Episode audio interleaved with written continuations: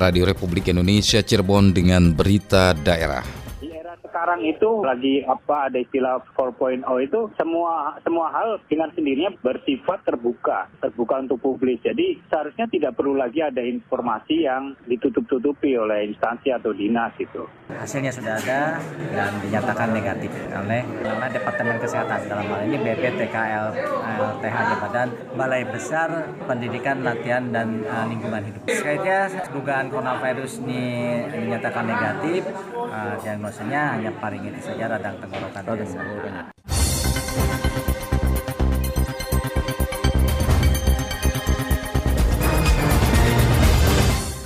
Sari Berita Keterbukaan informasi di era saat ini sangat penting untuk masyarakat. WNA asal China berinisial XC yang diisolasi RSD Gunung Jati Kota Cirebon negatif corona Bersama saya Iskandar Zulkarnain, inilah berita daerah selengkapnya.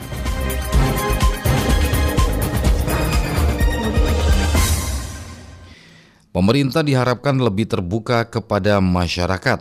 Laporan selengkapnya disampaikan Aji Satria. Era keterbukaan informasi saat ini sangat penting dan harus dibuktikan sebaik-baiknya sesuai dengan aturan yang berlaku. Harapan tersebut diungkapkan Ketua PWI Kabupaten Indramayu Agung Nugroho kepada RRI seputar Hari Pers Nasional HPN tahun 2020. Agung Nugroho menegaskan dalam era saat ini yang sudah berkembang di industri digital 4.0 harus benar-benar diaplikasikan akan proses keterbukaan informasi melalui media, jurnalis ataupun pers. Hal itu harus diaplikasikan dengan sebaik mungkin mungkin meskipun ada hal-hal tertentu yang patut dirahasiakan kepada publik. Undang-undang terkait keterbukaan informasi harus benar-benar dilaksanakan dengan sebaik mungkin oleh pemerintah baik pusat maupun daerah. Tetapi memang tidak semuanya apa namanya instansi-instansi pemerintah atau dalam hal ini sebagai representasi negara itu yang mau bersikap terbuka terhadap permintaan informasi dari wartawan gitu kan. Itu karena memang kebetulan juga ada juga undang-undang tentang kerahasiaan negara. Nah batas-batas ini yang menjadi diperdebatkan sejauh mana sebuah informasi ini merupakan bagian dari kerahasiaan negara atau informasi yang memang bagian yang diatur oleh Undang-Undang Keterbukaan Informasi Publik seperti itu. Nah, di banyak aplikasi di instansi kebanyakan yang tidak terbuka itu karena persoalan tersebut. Bahwa oh ini informasi yang tidak tidak masuk eh, tidak masuk kategori untuk informasi publik. Apalagi di dalam Undang-Undang Keterbukaan Informasi Publik itu ada istilah informasi yang dikecualikan. Nah, ini yang menjadi uh, daerah rawan perdebatan. Jauh mana sebenarnya yang disebut informasi yang bersifat publish. Seperti itu hmm. kira-kira. Undang-Undang Keterbukaan Informasi Publik itu merupakan undang-undang yang lahir tahun 2008 hmm. yang sebenarnya merupakan bagian dari bagaimana mengantisipasi ketika terjadi perubahan era informasi, perubahan informasi di era digital gitu kan. Di era sekarang itu hmm. apalagi apa ada istilah 4.0 itu semua semua hal dengan sendirinya ber bersifat terbuka, terbuka untuk publik. Jadi seharusnya tidak perlu lagi ada informasi yang ditutup-tutupi oleh instansi atau dinas itu. Apalagi sekarang. Jadi seharusnya uh, pihak dari dinas atau pemerintah dia membuka saja seluruh informasi. Kan ini bagian dari semangat kita juga semangat di, di dalam uh, reformasi birokrasi, hmm. semangat perlunya ada transparansi pengelolaan negara Betul. atau pengelolaan dinas, hmm. lembaga. Hmm. Juga pada akhirnya juga disemangati oleh semangat perlunya ada akuntabilitas publik serta hmm. bagaimana untuk untuk menekan terjadinya atau potensi-potensi terjadinya korupsi. Agung Nugroho menegaskan dalam momentum Hari Pers Nasional HPN tahun 2020, media harus memberikan edukasi positif melalui karya-karya jurnalistiknya sebagai inspirasi terhadap bangsa dan masyarakat Indonesia ke arah yang lebih maju dan berkembang. Aji Satria melaporkan.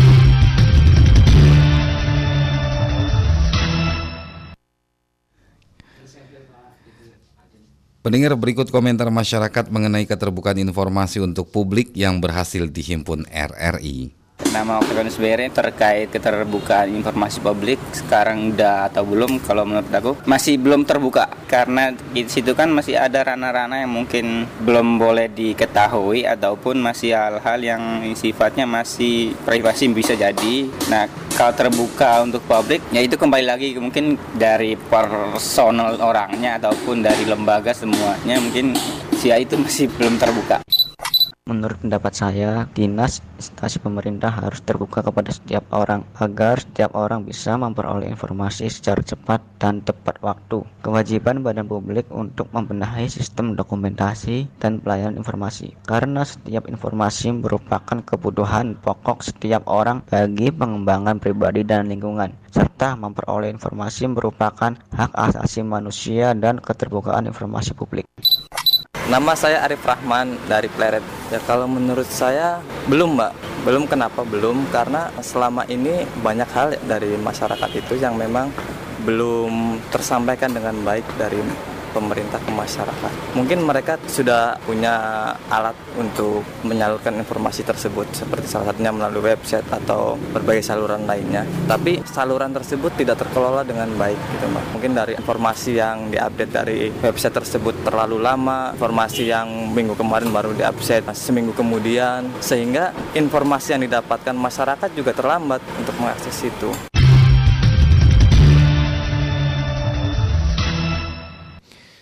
Untuk membahas lebih lanjut mengenai keterbukaan informasi untuk publik dalam rangka peringatan Hari Pers Nasional, kita ikuti wawancara reporter Yulianti dengan pengamat komunikasi yang sebagai wakil dekan bidang akademik Fakultas Usuludin Adab dan Dakwah, Dr. Arif Rahman, MSI.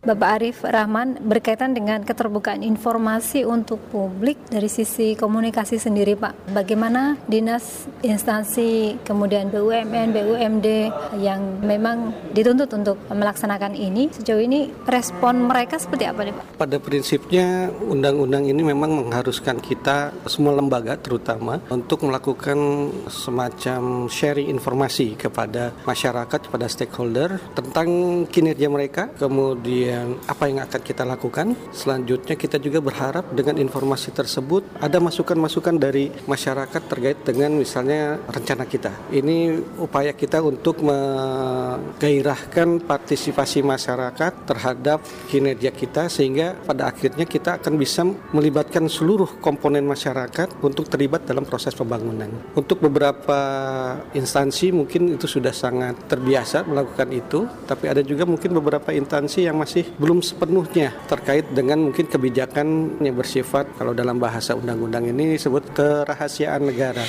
Ya tentu saja mungkin kita tidak bisa berharap Departemen Pertahanan menyebutkan bahwa kita punya senjata sekian ribu tenaga segala itu itu termasuk kerahasiaan negara yang tidak bisa kita minta. Tapi beberapa hal yang terkait dengan misalnya pembangunan infrastruktur itu juga mungkin bisa kita berikan informasinya kepada masyarakat sehingga masyarakat bisa berpartisipasi jauh-jauh hari sebelum pelaksanaan pembangunan itu dilakukan. Undang-undang ini juga menghimbau kepada pihak swasta, masyarakat pada umumnya untuk aktif menyampaikan informasi yang terkait dengan lingkungannya. Selama ini kita mungkin masih juga enggan untuk menyampaikan informasi terkait dengan suasana lingkungan kita sehingga proses pengambilan kebijakan yang dilakukan oleh instansi pemerintah itu mungkin tidak terlalu tepat sasaran. Kalau boleh saya berikan contoh saat ini kita dalam suasana hujan dan seyogyanya masyarakat bisa aktif memberikan informasi keadaan misalnya apakah daerah itu rawan longsor ataupun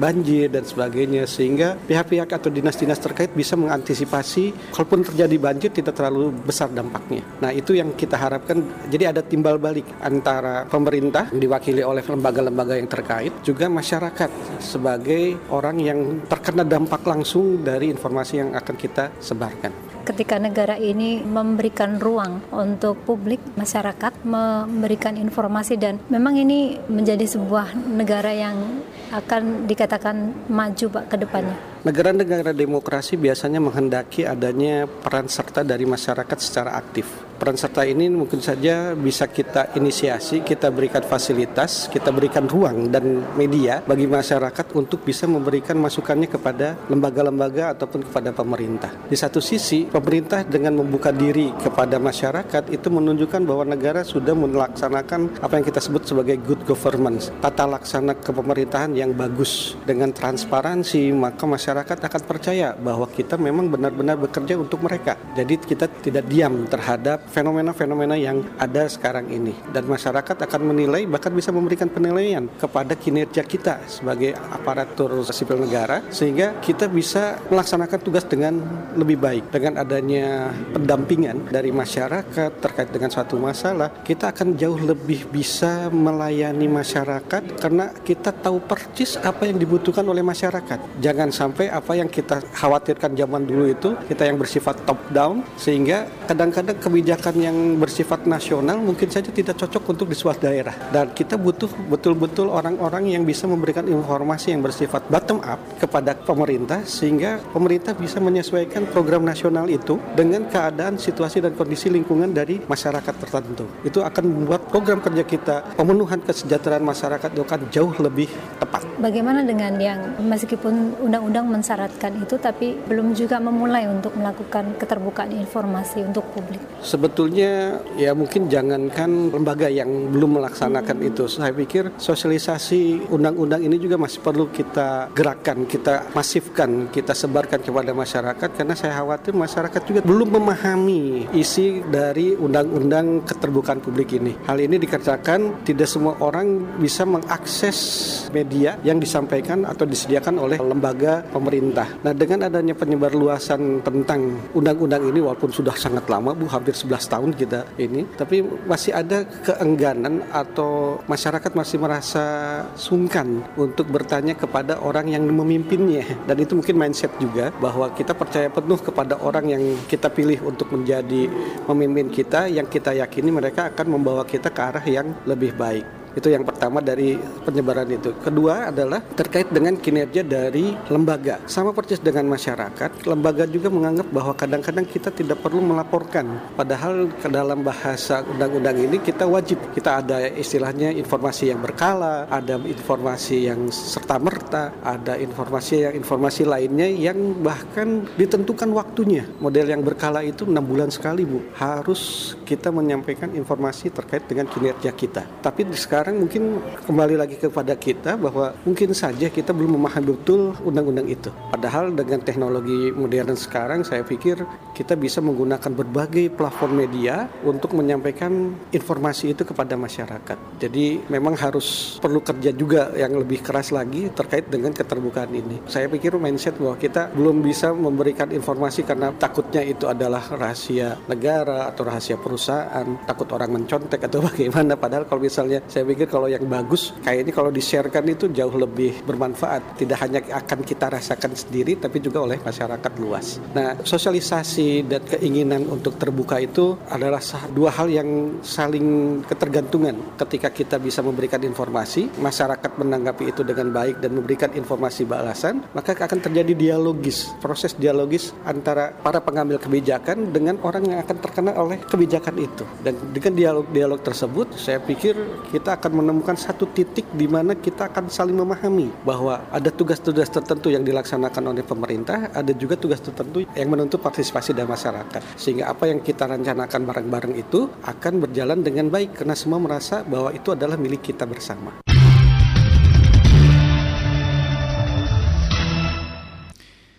WNA asal China XC yang diisolasi RSD Gunung Jati Cirebon dinyatakan negatif virus corona. Selengkapnya dilaporkan Cece Rukmana. Eksi 25 tahun warga negara asing asal Cina yang diisolasi selama satu minggu lebih di Rumah Sakit Gunung Jati Cirebon dinyatakan negatif virus corona usai dilakukan pemeriksaan medis dan observasi. Kepada RRI, Direktur Utama Rumah Sakit Gunung Jati Cirebon, Ismail Jamaludin mengatakan pemeriksaan dilakukan secara maraton hampir satu minggu oleh tim dari Provinsi Jawa Barat. Kini Eksi bersama keempat temannya melanjutkan pembelajaran seni kebudayaan ke Yogyakarta. Pengawasan eh, corona virus ini yang kita rawat sejak tanggal 4 sudah dilakukan tindakan pemeriksaan laboratorium untuk swab teng apus tenggorok sama apus hidung. Dan kemarin hasilnya sudah ada dan dinyatakan negatif oleh uh, Departemen Kesehatan dalam hal ini BPTKL LTH Badan Balai Besar Pendidikan Latihan dan uh, Lingkungan Hidup. Secara resmi sakitnya apa itu? Kenapa? Sakitnya apa? Sakitnya setelah dugaan coronavirus ini dinyatakan negatif, uh, diagnosanya hanya paling itu saja radang tenggorokan biasa. Oke, sehingga masyarakat nggak perlu khawatir ya Pak? Masyarakat nggak perlu khawatir. Ismail Jamaluddin menuturkan usai dinyatakan negatif, pihak Rumah Sakit Gunung Jati sepenuhnya menyerahkan eksi ke Dinas Kesehatan Kabupaten Cirebon untuk koordinasi dengan unsur terkait di wilayah lain yang akan disinggahi eksi.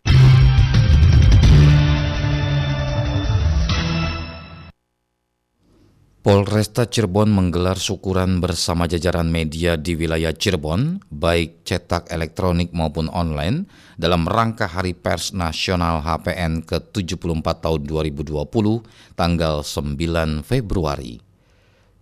Syukuran yang berlangsung di Kecamatan Talun, Kabupaten Cirebon, dihadiri Kapolres Cirebon, Kombes Pol M. Syahdudi, beserta jajarannya. Kepada RRI, Kombes Pol M. Syahdudi mengapresiasi kinerja para jurnalis di wilayah hukum Polresta Cirebon. Dalam peringatan Hari Pers Nasional tahun ini, para jurnalis diharapkan terus memberikan kontribusi yang baik bagi masyarakat, bangsa, dan negara melalui karya-karya jurnalistiknya secara profesional. Selain itu juga berkoordinasi dengan baik dan bersama dengan Polresta Cirebon menjaga Kamtipmas di wilayah hukum Polresta Cirebon.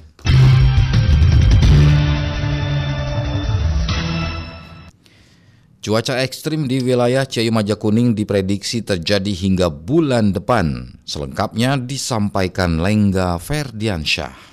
Masyarakat di wilayah kota dan kabupaten Cirebon, Indramayu, Majalengka, serta Kuningan, Ciayu Majakuning harus mewaspadai cuaca ekstrim yang terjadi saat ini. Musim penghujan masih berlangsung dengan intensitas sedang hingga besar disertai angin kencang dan petir. Demikian dijelaskan prakirawan cuaca stasiun BMKG Majalengka, Ahmad Faizin kepada RRI. Dikatakan Ahmad Faizin cuaca Ekstrim diprediksi terjadi hingga Maret mendatang, dengan kecepatan angin tergolong tinggi, sedangkan hujan diprediksi terjadi antara sore hingga malam. Dari perakiraannya BMKG, masuk kategori tinggi, yaitu di atas 300 mm per bulan. Dan setiap harinya ada potensi hujan sedang hingga lebat, tai petir dan yang kejang. Ini perlu diwaspadai, khususnya kondisi-kondisi yang cukup ekstrim ini seperti hmm. hujan disertai petir dan angin kejang ini, ini masyarakat diimbau pada potensi-potensi terjadinya bencana seperti banjir, tanah longsor, baik genangan air di jalan maupun pohon tumbang. Ahmad Faizin meminta kepada masyarakat agar selalu waspada Perhatikan kondisi lingkungan seperti sungai dan pepohonan. Para nelayan juga harus selalu memantau perakiraan cuaca. Bila cuaca buruk, jangan memaksakan untuk melaut. Lengga Ferdiansyah melaporkan.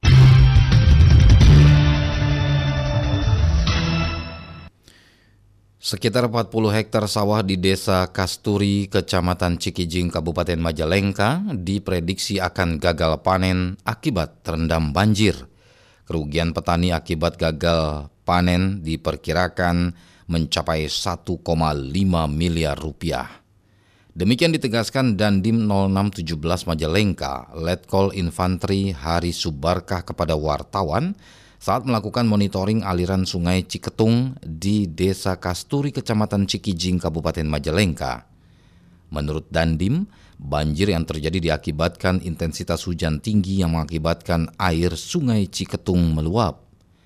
Pihaknya akan koordinasi dengan instansi terkait agar tidak terjadi lagi banjir. Selain itu juga akan melakukan pengerukan sungai Ciketung sepanjang 4.000 meter masyarakat agar tetap waspada segala bentuk bencana alam pada musim hujan saat ini.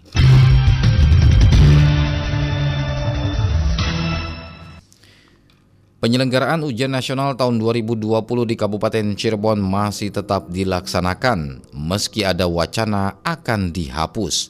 Laporan selengkapnya disampaikan Angga Prastia. Ujian nasional atau UN untuk tahun ajaran 2019-2020 masih tetap dilaksanakan termasuk di wilayah Kabupaten Cirebon. Kabit SMP Dinas Pendidikan Dr. Haji Masyuri kepada RRI menyampaikan pelaksanaan UN di daerah masih sangat diperlukan karena sebagai salah satu alat ukur keberhasilan pendidikan. Selain itu bisa digunakan untuk memetakan mutu sekolah atau kinerja mutu dalam penyelenggaraan pendidikan dan bukan merupakan alat untuk melanjutkan sekolah serta lainnya. Justru ada kelebihan dan ada kekurangannya kan begitu. Kelebihannya ya UN sebagai alat patokan mutu, sebagai alat motivasi anak untuk belajar kan gitu. Lalu kelemahannya ya kalau dijadikan untuk alat kelulusan atau untuk melanjutkan sekolahan gitu kan. Sekarang kan melanjutkan sekolah kan berbasis zonasi kan. UN itu harus mengukur seluruhnya kecerdasan anak seluruhnya bukan hanya kecerdasan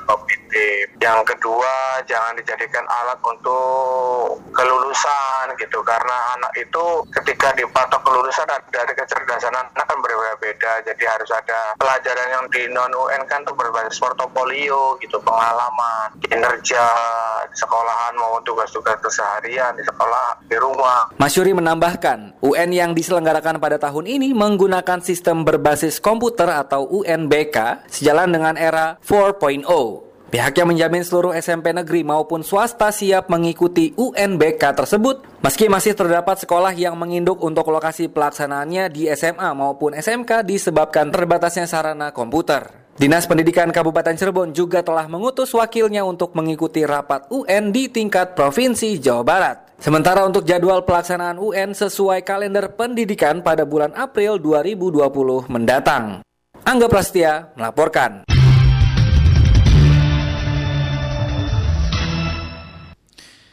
Berita daerah pagi ini disiarkan Radio Republik Indonesia Cirebon.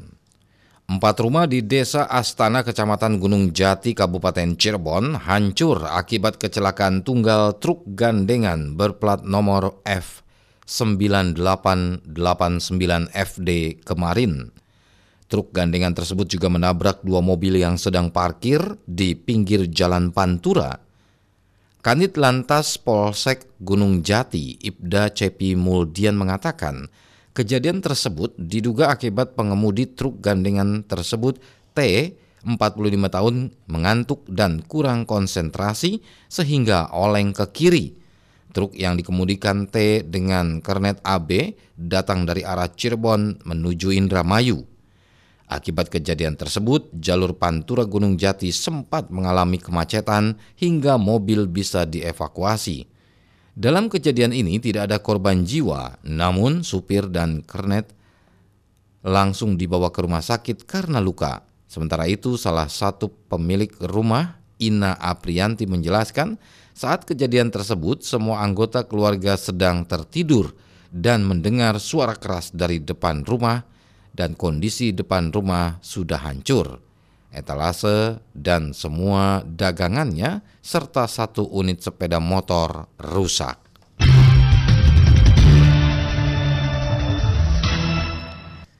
Saudara kini saatnya kami sampaikan berita olahraga. Berita olahraga.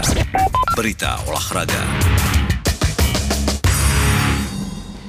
Untuk memeriahkan Liga Basket Putri Sri Kandi Cup musim 2020 seri pertama di Cirebon, Champion Merchandise dan GMC Cirebon menggelar turnamen bola basket antar SD. Turnamen dengan mengusung tema Game of Elites ini diikuti SD Putra Nirmala, SDN Kartini, SDN Karya Mulia 1, dan SD BPK Penabur. Yandi selaku ketua pelaksana turnamen Game of Elites mengatakan kegiatan tersebut hanya diikuti empat besar SD terbaik sekota Cirebon dengan sistem pertandingan round robin atau setengah kompetisi. Tujuannya untuk mengajak anak-anak usia dini menyaksikan pertandingan Sri Kandi Cup yang diikuti oleh tim-tim profesional putri Indonesia agar ke depan mampu mengikuti jejaknya. SD Putra Nirmala menjadi juara pertama, juara dua SDN Kartini, ketiga SDN Karya Mulia 1, dan Harapan 1 SD BPK Penabur.